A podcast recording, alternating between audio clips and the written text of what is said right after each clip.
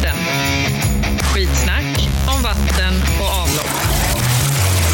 Denna podd ges ut av Huber Technology tillsammans med Sander och Ingeström. Hej och välkomna till Vattenpodden. Och idag kör vi avsnitt nummer sex.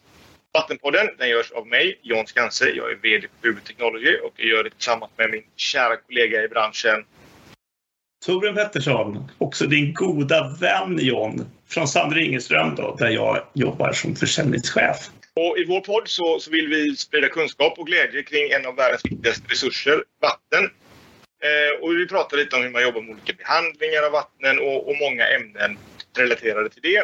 Och också lyfta fram hur, hur, eh, hur trevligt vi tycker att det är att jobba med vatten och, och varför man ska göra det. Så det, det är ett av våra ett av våra missions i alla fall, att sprida glädje kring vatten. Det gör vi fantastiskt Jon, tillsammans. Det är underbart. Och idag så är det faktiskt så att vi ska ta in en ny kompis i podden. Så eh, välkommen Anna! Berätta lite om dig själv. Eh, jag heter Anna Engdahl och jag jobbar på Veidekke. Det är Veidekke Entreprenad och jag jobbar som kommersiell chef på infrastruktur då i Sverige. Så kommersiell chef, det, det jag jobbar med är inköpsdelen, miljödelen, vårt verksamhetssystem, osäkerhetsstyrning och juristfunktionen som jag har ansvar för. Jag har jobbat i Veidekke sedan 2002 så jag firar 20-årsjubileum i sommar. Och innan dess så eh, jobbade jag på Olssons Kahn och Skanska. Mellan de två företagen då, så har jag studerat på KTH på universitetet. Stort välkommen Anna! Jättekul att, att, eh, att ha dig med här. Och det är så kul när vi kan få in gäster i podden. För att men, Tobbes kött, det har ni ju hört redan nu. Så vi tycker det är skönt att blanda upp det med lite mer kompetens helt enkelt. Det är jättekul att ha med dig här Anna. Och, och vi jobbar med våra maskiner där men det är ju egentligen ni på byggsidan. Ni är ju de, de riktiga hjältarna som, som står där i betongstövlarna och gjuter kanaler och, och får grejerna att hända. Och det är det ska bli jättekul att höra vad, vad, vad er take är på den, här, på den här branschen och på de utmaningarna vi, vi, vi står inför. Ja, ja men det är alldeles riktigt John. Det, det ska bli jätteroligt att höra det från, från liksom det som är grunden i det som, som vi sätter våra maskiner i sen. Det är det som jag tycker ska bli jättespännande. För det här kan man ju inte så mycket om. Eh, det ska bli roligt att få höra och att du delar med dig av dina kunskaper Anna. Det ska bli jättekul. Men hur hamnade du i byggbranschen egentligen? Hur, hur liksom kom du dit? Var började det någonstans? Jag började eh, under min studietid på gymnasiet då, när jag gick fyraårig teknisk så började jag som utsättare på somrarna och jobbade som arbetsledare på, på ROT-projekt. Så det började jag 93 då. Sen heltid i, i byggbranschen. Men 2019 var väl då jag trillade in i VA-branschen på allvar. Det var att vi byggde eh, ett ett eh, ställverk åt Syvab. Och I den dialogen då så, så förstod jag deras oro om grundläggningsmetodiker och märkte ganska snabbt att vi kan komplettera varandra. De är en otroligt eh, kompetent kompetent beställare inom processverksamheten men var oroliga för grundläggningsproblematiken för deras nya reningsverk. Och då kände jag att ja, men här kan ju vi bidra. Vi kan ju det här. För oss är inte det ett så stort orosmoment. Så då tillsammans så, så kan vi bidra med vår kompetens och skapa en bra fungerande projekt tillsammans. Då. Ja, men jag, jag tänker att det, det, måste ju vara lite annorlunda. Nu, spånar jag lite fritt här, men när man bygger ett hus så är det ett betongskal som står någonstans. Det är kanske betongen i sig är ju tung men huset är ju inte så tungt. Människorna i det är ju bara lite möbler och, och, och, luft egentligen i ett hus. Det är klart när man bygger reningsverk så ska man ju ha en massa vatten i de här bassängerna. Det måste ju väga... Jag tänker att det borde ge nya utmaningar eh, jämfört med att bygga höga hus. Eller är jag fel ute? Egentligen inte. Jag tänker att vi, eh, när jag var arbetschef på anläggning då och eh, var ansvarig för utförandet av grundläggningen för våra hus som vi byggde i Veidekke så är, kan det vara ofantliga höga hus och många våningar, 25 våningshus och, och så vidare. Då har vi ganska mycket tyngd på, på våra pålar och, och vår grundläggning. Så att jag ser inte det som ett problem egentligen utan vi vet vilka laster det är och så får man dimensionera efter dem. Okay, det var ganska enkelt om man visste vad man snackade om helt enkelt. Då. Ja, vi, vi kan grundläggning så att eh, får vi veta vad som behövs eh, ovan vår grundläggning så, så grejar vi det. Det är ju det som är lite roligt. När man tittar på någonting utifrån så kan det ju framstå som oerhört komplicerat. Men att mm. sådär, man ska pumpa vatten flera hundra meter. Men när man väl har, har nördat ner sig på det ett tag så, så är det inte så komplicerat. Det, är, det är spännande. Ja, det är... Det gäller att hitta rätt eh, parhästar för vi har ju inte samma kompetens som er på processdelen. Det tycker vi är supersvårt. Och vad, innan vi började i, i VA-branschen just för reningsverk då, så var ju det en process som vi hade stor respekt för. Eh, och samma sak så höra Syvabs tankar om just grundläggning och, och, tillsammans då så har vi kompetens så att vi kan känna oss trygga. Och det är underbart att, att man tillsammans skapar någonting som är, som är bra för alla människor, för hela samhället. Så det är jättekul. Då. Jättekul. Ja, nej, men det låter som att vi bygger upp för ett, ett bra poddavsnitt här med tema byggentreprenader och, och vi kommer att prata lite om utmaningar mellan att bygga hus och reningsverk och vi kommer att prata lite om om upphandlingsformer och sådär. Och, och, det är ju som vanligt så, så är det ju inte förrän någonting är byggt och klart och är driftsatt som, som vattnet är renare. Och det det är ju vägen dit som vi måste få så, så bra som möjligt. Ja, nej, men jag tycker det blir ett spännande avsnitt. Eh, jag tycker vi kör vidare. Ja, och i dagens podd då har vi ju med Anna från Veidekke så det, helt naturligt blir det ju att vi ska prata om eh, byggentreprenader och vi kommer börja lite generella där och, och som jag var inne på, som jag hade fel om alldeles nyss, så, så var det ju så stor skillnad på att grundlägga hus och, och reningsverk. Men, men Anna, vad, det måste ju vara någon skillnad mellan att bygga hus och bygga reningsverk. Vad, kan, du, kan du guida oss lite i vad, vad de stora utmaningarna med att bygga reningsverk är? De största utmaningarna är väl att involvera rätt kompetens i tidiga skeden.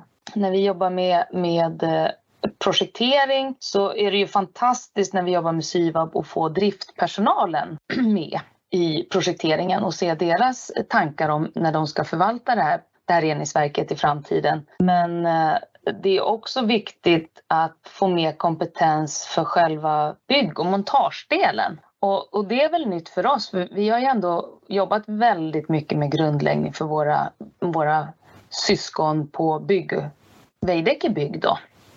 Så vi har ju väldigt mycket erfarenhet av just bostäder och kommersiella fastigheter. Men det här är ju nya kollegor då i branschen för att montera alla de här maskinerna. I bygg och fastigheter så har vi ju mer ett installationsutrymme som man får dimensionera och där har man ju en lång erfarenhet hur stort det vad som behövs. Men det här är ju i princip bara ett stort installationsutrymme som vi bygger det är ju väldigt många olika komponenter som ska monteras och driftas. Det är väl den biten som jag tycker är den största skillnaden. Att, att ta reda på vilken kompetens vi behöver i tidiga skeden. Hittar, du några, hittar ni några särskilda utmaningar i det eller är det, är det lätt att hitta rätt kompetens, tänker jag? Det beror ju helt på vilka, eh, vilka parter man har att jobba med, vilken, vilken kompetens de har inom sitt led. Då de kanske behöver fånga upp eh, kompetens från flera led i sin tur som inte vi har den direktkontakt med. Så det är väl det, det att man behöver ta den frågan. Att eh, fångar vi upp all, alla behov som vi har här? Och sen också möjligheter. Jag tänker att vi, när jag var projekteringsledare på ett garage uppe på Östermalm så tog jag in vår lagbas i projekteringen så att han fick delta med den erfarenheten han hade. Och då hade vi ju vi kunde faktiskt välja vilken höjd vi skulle ha på, på pelare och på garagehöjd, innerhöjden i garaget. Och då kom han med en jättebra tanke att ja, men kan man anpassa höjden till, till formarnas standardstorlek och att vi har samma höjd på formarna på pelarna så blir det här ett mycket billigare projekt. Att vi slipper kapa och anpassa, specialanpassa allt. Så det gäller ju att riktigt fånga rätt kompetens. Så får vi in rätt kompetens tidigt så tror jag att vi kan skapa en väldigt kostnadseffektiv produkt som passar alla. Både drift, montage och ja, användandet. Men, men hur, hur, ser det ut när ni, när ni blir involverade? Du pratade om projekteringsläget där och ni kommer väl in liksom, Får ni färdiga handlingar? Att ja, men nu vill ni att ni ska bygga ett reningsverk som ser ut så här? Eller har ni en större påverkan det ska se ut innan liksom basänghöjder är satta och sånt där. Hur involverade är, är, är ni i det? Vi ställs ju ofta inför att det kommer en färdig handling där det står att det ska finnas eh, fyra silenpumpar. Det säger inte det ska finnas fyra, fyra eh, Nemo-pumpar där och det ska finnas det där och det där. Mm. Eh, och vi såg liksom lite, ofta hamnar vi ju lite fait accompli även om vi varit med i ett väldigt tidigt skede kanske och säljer in våra produkter så, så är det ju en lång process där vi inte är med mm. inför, läget. Och då kan det ju redan finnas färdiga ritningar där man kanske har missat en höjd som gör att ja, men, även om vi vill ha in den här saken enligt listan så, så har inte de inte det tillräckligt väl tilltaget för att det ska bli bra. Hur, hur tidigt kommer ni in så att ni kan, för som du beskriver, kan man påverka själva byggprocessen jag tänker mig att man kan spara oerhörda pengar i det. Ja, det är lite olika beroende på vilken entreprenadform och upphandlingsform det är. Så ibland är det ju, står vi ju fakta för, för bygghandlingar då, i en utförande entreprenad enligt AB. Eh, och ibland har vi en ABT som kanske är väldigt styrd. Och ibland är det en en ABT i samverkan där vi kommer kanske in i förstudien till och med och får påverka. Så det, det är väldigt olika. Men, men det jag känner just är att vi alla behöver bidra med våra behov. Att när man väljer den där pumpen så kanske det också är viktigt för, för förstudien och, och projekteringen att de vet vilket montageutrymme den behöver. Och antingen då att det redan finns i valet av pump, att man ser det behovet eller att man involverar rätt kompetens som förstår det här med montaget.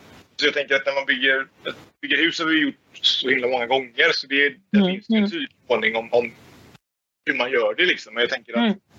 den typen av processanläggningar som är skräddarsydda för just den här processen, det måste ju också vara...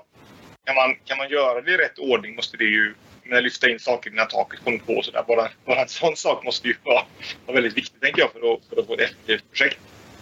Det är det jag tänker att eh, ja, digitala verktyg och VDC som vi använder eh, begreppet i, i Veidekke då, att man kan bygga en digital tvilling i en modell och det hjälper ju oss att visualisera hur byggprocessen kommer gå till, vilka problem, vilken problematik och vilka krockar man ser där. Så det tycker jag är en spännande, att det faktiskt finns en möjlighet att bygga en, en, en tvilling innan man sätter igång med produktionen. Och det blir betydligt billigare att revidera den i det digitala än att ha ett stillestånd eller en eh, ja, en krock när man väl är ute i produktionen. Hur vanligt är det undrar jag? Det, här med digital, det pratar vi mycket om, digitala tvillingar. Är det liksom något som förekommer i de flesta projekt idag eller är det, liksom, är det fortfarande begynnelsens linda om man säger så?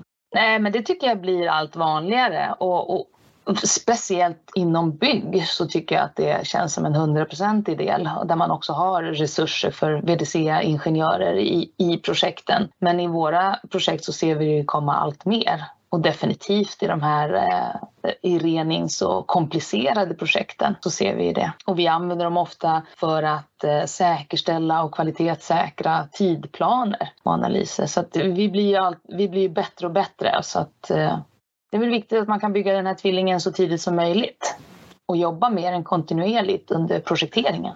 Ja, men jag tänker på det, men och det där kommer ju av att jag du har säkert upplevt några sådana rediga krockar som man inte hade förutsett. Har du någon, kan du diska upp någon ur minnet där det, där det blev jäkligt fel när någonting verkligen var gjort i fel ordning. Man fick bila bort ett halvt, halvt plan eller vad man nu kan behöva göra för att lösa problemet. Nej, jag har faktiskt inget spännande exempel på när vi var tvungna att bila bort ett plan. Utan, men, men, eh, men vi har sett tydliga exempel på när ventilationskanaler krockar med hela takkonstruktionen. Och att, att just det här när man jämför med om man ska samordna på en handling i, i pappersformat och jämför med när man samordnar det i en modell så blir det ju en jätteskillnad. Att det blir lättare att samordna oss. Och jag tänker, det måste ju, det, precis som du säger, det där har vi nog alla byggare upplevt när, när, när du får de här krockarna och, och så måste du liksom löses på plats är ju en, en, en klassiker som, mm.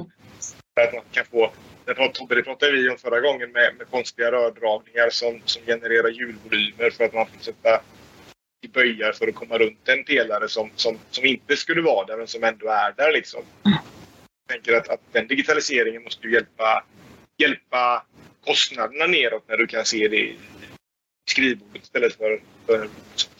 Definitivt. Det, det, måste ju göra oss, hjälpa branschen att eh, komma till rätta med kostnadsutvecklingen. Det tror jag. Då blir det ju mer pang för pengarna känner jag. Det är ju bra.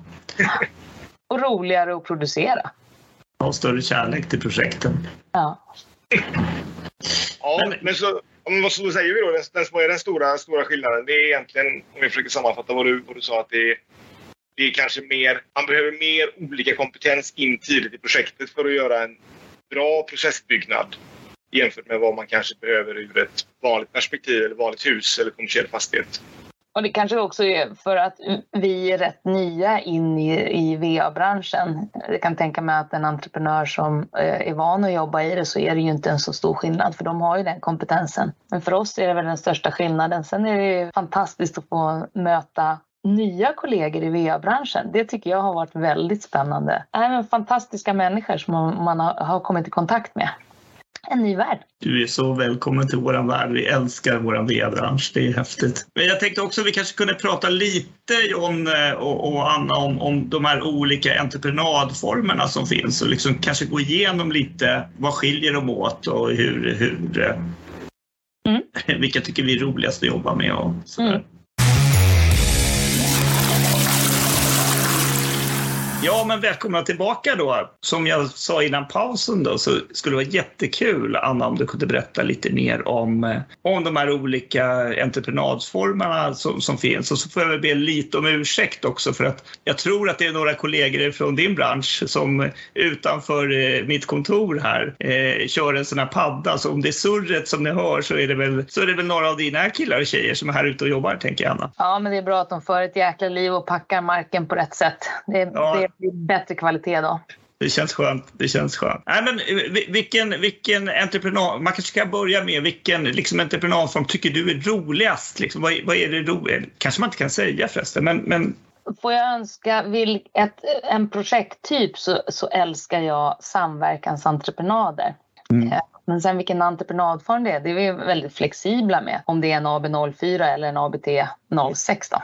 Där, där eh, rör vi oss från projekt till projekt. Men någonting som jag tycker är viktigt och där vi ändå kan bidra, även fast vi går in i en AB04 samverkan så, så kan Veidekke bidra väldigt med producerbarheten och, och bidra med eh, produktionskompetensen i tidiga faser så man slipper, så man slipper komma till, till produktionen och, och stöta på de här problemen som vi var inne tidigare med att det inte går att montera pumpar i för små utrymmen. Så att, nej, men AB04 och ABT går, eh, 06 går jättebra men samverkansentreprenader tycker jag är mest spännande. Vad är det med dem som gör det så spännande med, med samverkan? men lite som jag var inne på tidigare, just att hitta och jobba tillsammans med en kompetent beställare och, få, och att vi får bidra med vår erfarenhet. Det gör ju att organisationerna kompletterar varandra man får ju fler kollegor. Men det blir mer kompetens eh, och en, gemensam eh, målbild för projektet. Då. Och jag tror att vi tillsammans faktiskt skapar bättre produkter och eh, kan kapa produktionskostnader. Vanligare de senaste åren med de här samverkansentreprenörerna som vi också tycker är väldigt, väldigt trevliga när man blir inbjuden på rätt sätt. Där en liten reflektion jag har på det, det är ju att, att vi, som det brukar vara så har vi ju en beställare och så har de kanske någon form av konsultstöd för att, för att sy ihop det här. Eh, och så, så har vi en, en sam, samverkansentreprenör. Då. Och sen så innebär ju det att de i sin tur ofta är en, en, en processentreprenör eh, för, att, för att ha den biten. Och sen så kommer vi under processentreprenören någonstans som, som maskinleverantör när vi ska in, ska in med våra grejer. Så att, men i en vanlig, om du har en, liksom en utförande entreprenad så kommer det ofta en färdig handling där det står vad det ska vara för saker. Så, så någonstans så finns det, jag, jag kan se en, jag ser en liten utmaning i att, i, i att få med alla parter i samverkan. Utan sen är det, kan jag tycka att det är naturligt att man tar med bygget. hur, hur det än är så är ju bygget den, den största kostnaden eh, i entreprenaden. Så det är ju jättenaturligt att man, man lägger dem först. Men hur, hur eh, ser ni på det? Liksom? Vi är ju bra på grundläggning och bygg. Vi tycker att vi är väldigt bra på att samordna och eh, vara en ledaransvaret för just samordningen så att vi involverar rätt, eh, rätt kompetens i tidiga skeden. Eh, samordningsansvaret ser vi att vi har en styrka i. Så därför kanske det är bra för en beställare att ta den delen. Och vi är vana att jobba med flera olika kompetensområden. Och då gäller det att vi involverar dem, den kompetensen som vi tror att vi behöver. Om man tar en processleverantör så, så om vi har en direktkontakt med dem så, så förväntar jag mig och jag tror också att de involverar sina entreprenörer och, och leverantörer för att skapa rätt projekt. Så det hoppas jag verkligen att, att de fångar upp och har med er i dialogen så att vi ja, men dels också får en utveckling så att vi får de senaste produkterna in i våra projekt. Och det tror jag ändå att eh, maskin och eh, maskin leverantörerna faktiskt är de som har bäst kompetens inom. Annars så blir det ju oftast det som man kanske använde innan. Så att om vi ska vara i förkant i utvecklingen så behöver vi, behöver vi ta med material och, och eh, maskinleverantörerna tidigt.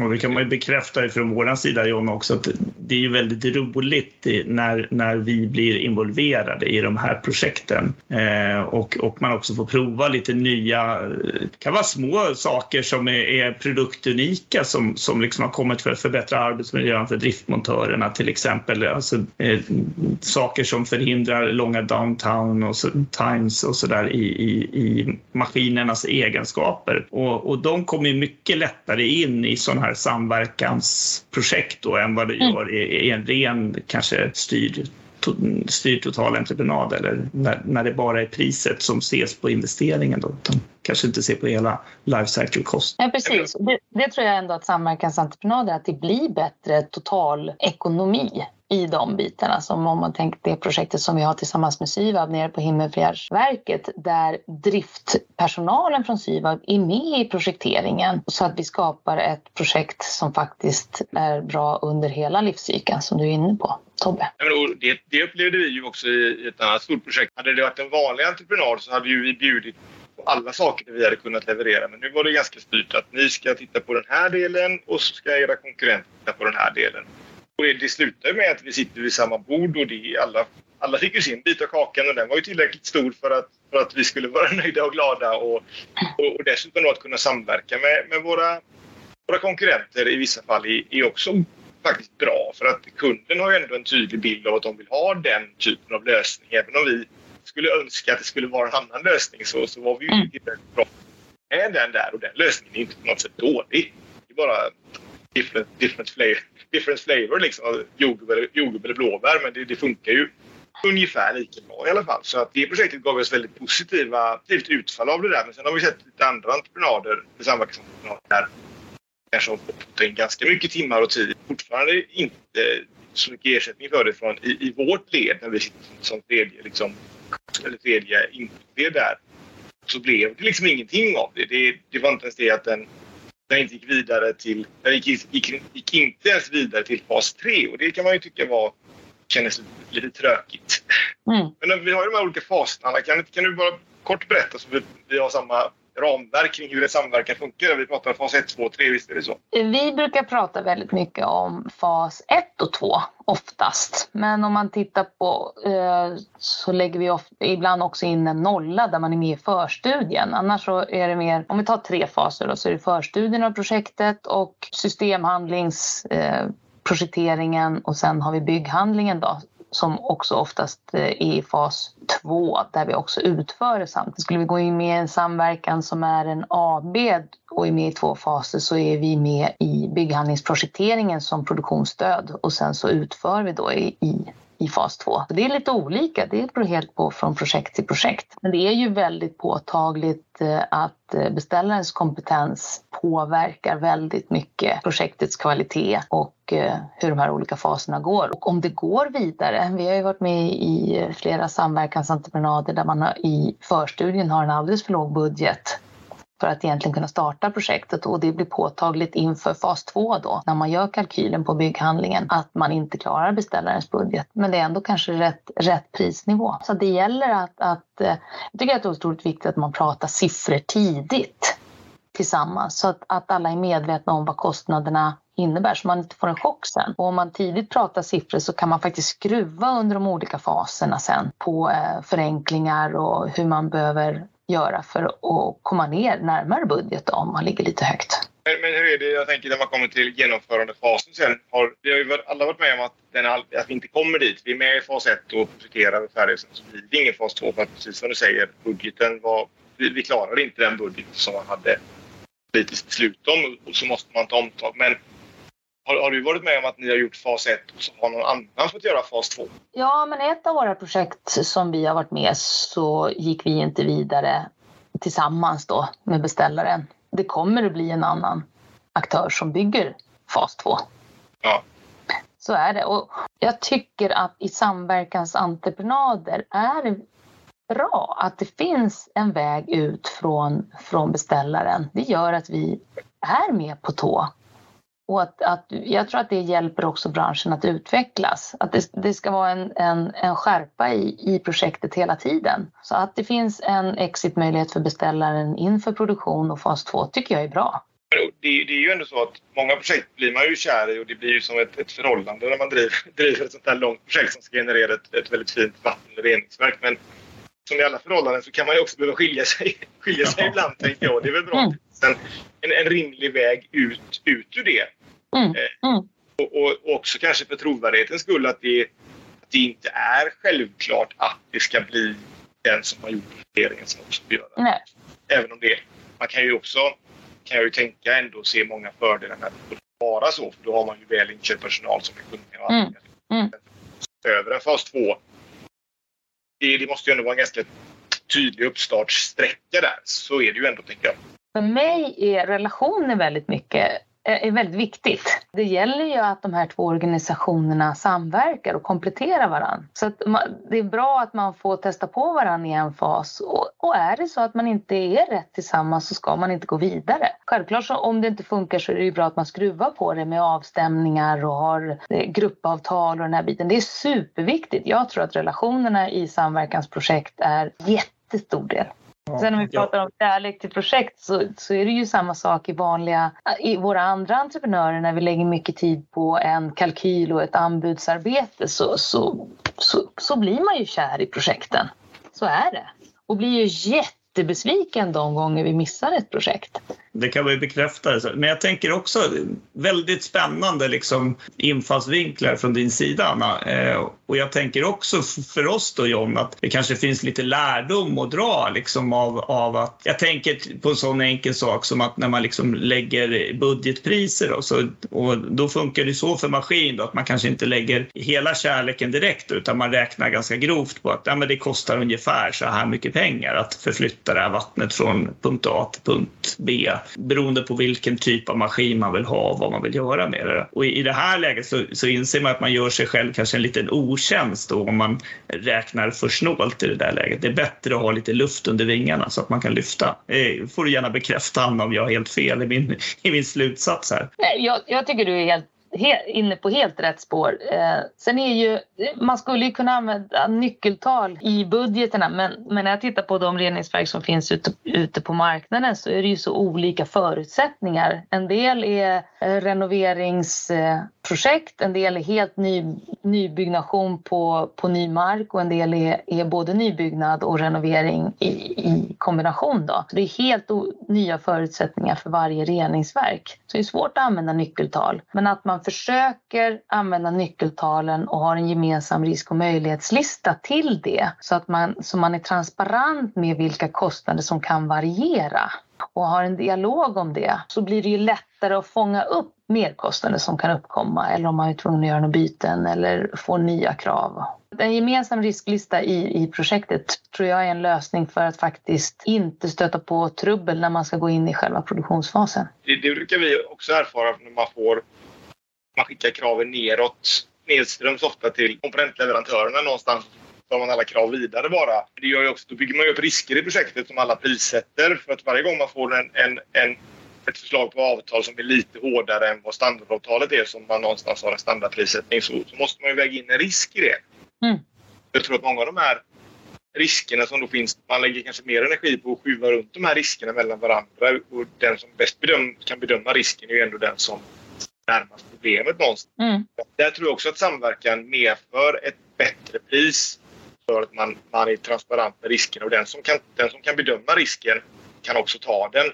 Den är inte inpackad i något, något tjockt avtal som yeah. vi, vi som maskinleverantörer, vi är ju alltid lite nervösa när det blir AVT liksom. Då, det är ju inte våran hemmaarena. Men kan man ha upp, upp där ett samverkan kring de här riskerna så, så, så blir ju den mycket... Den juridiken blir ju mycket eh, lättare att hantera. Liksom. Men, men du sa en, en viktig sak där med kompetent beställare och så har vi ju pratat om Syvab och jag tror att många i branschen, Syvab är ju min värld kända i branschen för att vara väldigt kompetenta och veta, veta vad de gör och ha en tydlig uppfattning från dem.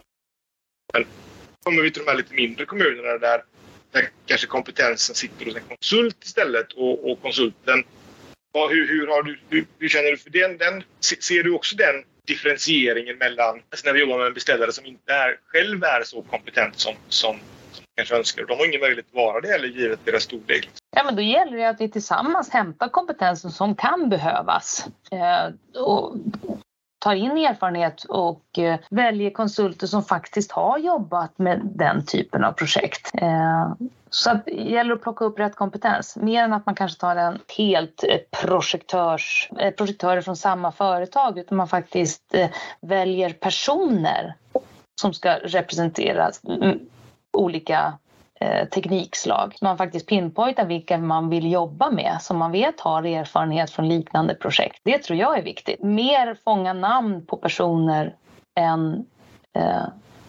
ta ett företag.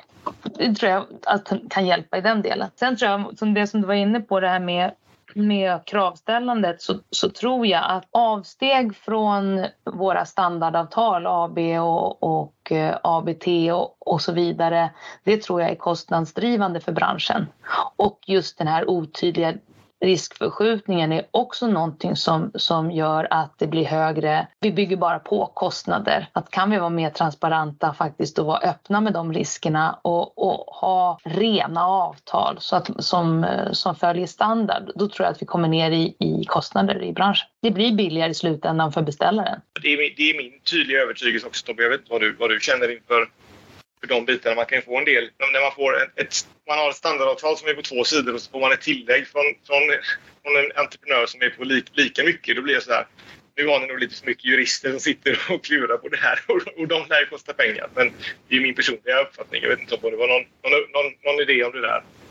Nej, men jag håller med att, att eh, det finns eh, standardavtal som vi i branschen är överens om att vi ska använda. Och, och eh, de här, och det kanske är ändå mer inom processindustrin där vi också verkar då, att man, man tittar på liksom, eh, olika raffinaderiers eh, eh, avtal för inköp som avviker ifrån standard. Då får vi lägga ganska mycket tid med att göra en, en riskbedömning och sen så är det alltid diskussioner om avsteg och det, det där kostar pengar och det, det är ju så att på inget sätt kommer, kommer vi som maskinleverantör ta en risk som riskerar vår verksamhet. Då har vi misslyckats faktiskt i, i, i vårt uppdrag. Så, så jag, jag håller med, vi måste jobba med de standardavtalen som, som finns. Då. Sen om man tar ABT som, som är eh, som är ganska vanligt för oss, att vi hamnar i olika typer av totalentreprenader som en underleverantör till någon typ av processägare. Då. Där är, ju, är det väldigt, väldigt viktigt att man får vara med då i bedömningen av risken då som maskinleverantör, för kostnaden kommer ofta på den här maskinen sen. Har man problem i processen så blir underhållskostnaden för hög mm. och det är garantitiden och övertaget egentligen som är den stora utmaningen i, i det då. Och vem står för slitdetaljerna?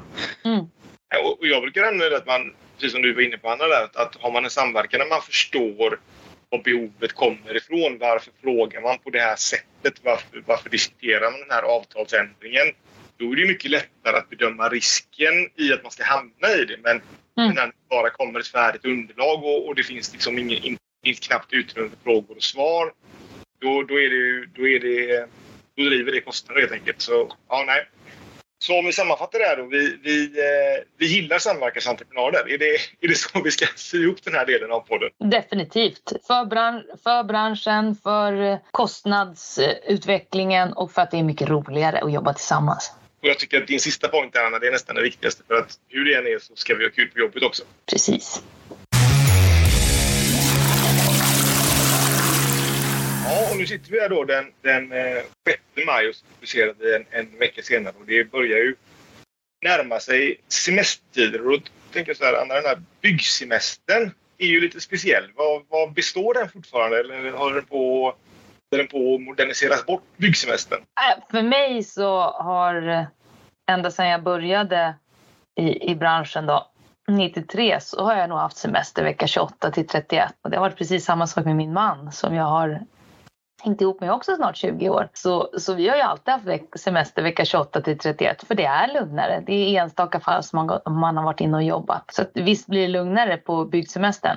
Det är så att man stänger man bygget och sätter på hänglåset där fredag vecka, vecka 27 och så öppnar man måndag vecka 32 eller? I... Ja men i många fall så försöker vi att stänga projekten eh, under semestern för att våra medarbetare och, och eh, entreprenörer som jobbar med oss ska få en paus. För när man börjar ha semesteröppet så, så är det inte så att vi har, kan ha full effektivitet. Det påverkar oftast he, hela juni, juli, augusti. För, män, för våra kollegor vill ju ha semester någon gång. Så då går man in i en, i en period av över tre månader där man inte har full drift. Men i vissa projekt så funkar det superbra att, att ha det på det sättet. Så det, det får man anpassa till projekt till projekt.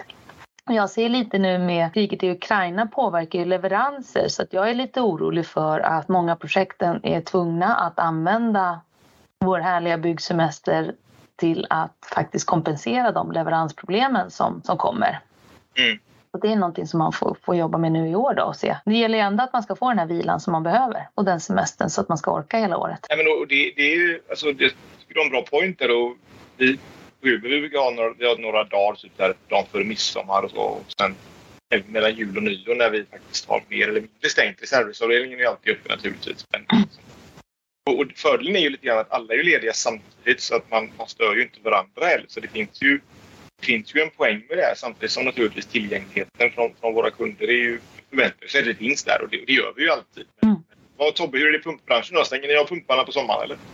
Nej, det gör vi faktiskt inte. Utan vi, jag säger snarare kanske att eh, vi får ut en del förfrågningar innan semestertid som ska vara inne då i när liksom arbetet ska börja och då, då ser vi faktiskt till att göra den där. Så jag lägger upp en manning för min avdelning så att vi alltid har någon kompetens som jobbar. Sen är det också en, en trend tycker jag att folk vill ha lite vintersemester och höstsemester. Man vill åka skidor och man vill åka till Thailand och man vill göra lite ditten och datten. Så det brukar funka ganska bra och är det så att det inte funkar så brukar jag alltid jobba själv. Jag älskar att jobba. Så att det, jag har inget problem att skita i min semester. Jag, tycker, jag vill inte ha för lång semester. Om jag har fyra veckors semester då, blir jag, då har jag ju tappat allt tempo i kroppen. Det tar en vecka att komma igång. Det, längre än två veckor det är inget bra för mig. Och min ADHD, då, då mår jag inget bra. Alltså. Så, så är det. Själv så när, innan jag hade barn då kunde jag bli rastlös på semestern. Men nu när jag har två barn som är superaktiva så är det nästan tvärtom. Att det är som en vila att komma tillbaka till jobbet. För det är full fart. Super mycket aktiviteter hela semestern. Men lite med det här med, med hur man delar upp det. Vi försöker ju, även fast det ska vara ett eh, produktion på semestern så försöker vi oftast stänga, precis som du är inne på John, med att man försöker stänga en period helt och hållet. Om det är en vecka eller om det är två veckor av byggsemestern som det är helt lugnt. Våra, om man tänker våra plats och projektchefer som har ett ansvar för hela projektet. För dem blir det ganska jobbigt när, när det är en, en drift under hela semestern. Då blir det inte så mycket lugn och ro för dem. Det kommer ju alltid vara samtal som kommer till deras telefon. Så att man får vara omtänksam mot våra, våra medarbetare så att det, så att det blir en, en paus i vardagen. Och det tror jag är viktigt också att, att tänka på att man liksom ser till att vi som jobbar i branschen och vi pratar mycket om att jaga in kompetens och vi har pratat om att det ska finnas kompetens i branschen men då vi också ge, ge oss själva möjlighet att, att återhämta oss. Hur det är mm. Jag bara sitta på den här våren så, så har det varit ett väldigt, väldigt högt tempo på slutet av våren nu, början av sommaren här och det ska det är jätteroligt och härligt att det är där efter de senaste två åren men, men, men likväl så är det lätt att man, man bara rullar på liksom. Så det, det ska bli, det, det är skönt med semester, om än inte för lång då Tobbe, så du får, så du får komma tillbaka och jobba lite tidigare. Men vad, vad har du för plan Anna? Vad är semesterplanen? Vi har en fantastisk sommarstuga uppe i Västmanland som vi åker till eh, varje sommar där hela familjen trivs. Eh, så det är golf och det är paddel och det är löpning och det är eh, mycket bad och hänga med kompisar. Så att, eh, nej, full fart. Sen så tänker jag det som du var inne på Torbjörn, att, att semestern innebär, innebär ju möjlighet, precis som du var. Kommer en förfrågan strax innan semestern så, så ibland så, så kanske det inte är lika hård konkurrens på de projekten heller. Så det, det, är ju bra att ha resurser tillgängliga för just sådana jobb som kommer. Man kan ju ta en riktig guld, en guldklimp. ja, det kan man göra. Det kan man göra. Ha, John, vad har du för planer inför semestern då? Ja, men det är lite splittrat, där, men vi gillar att ta en vecka, vecka före midsommar där för att kickstarta sommaren lite. Så att eh, det blir nog... Men nu är det första året, den äldsta dottern är ju kom ju på egen semester i år, så det blir första året vi, vi inte är alla fyra då. Så det ska bli, bli intressant att se. Men det, det, det, blir nog en vecka till Italien i alla fall, har vi tänkt. Eh, I Adriatiska havet. Sen så blir det, blir det två veckor i sommarstugan eh, lite senare på sommaren. Där. Så det blir, Det blir, blir fint. Blir fint. Tobbe då, vad ska du göra? Flytta?